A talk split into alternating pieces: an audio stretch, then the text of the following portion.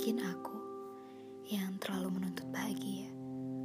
Mungkin aku yang terlalu berasa. Mungkin aku yang terlalu menuntut jawaban atas setiap pertanyaan yang sering kali aku berikan. Pengakuan ku atas rasa. Aku hancur, kau tahu. Aku kacau. Aku patah. Tak tahu harus bagaimana. Air mataku sudah habis sepenuhnya. Menangisi hal yang sering kali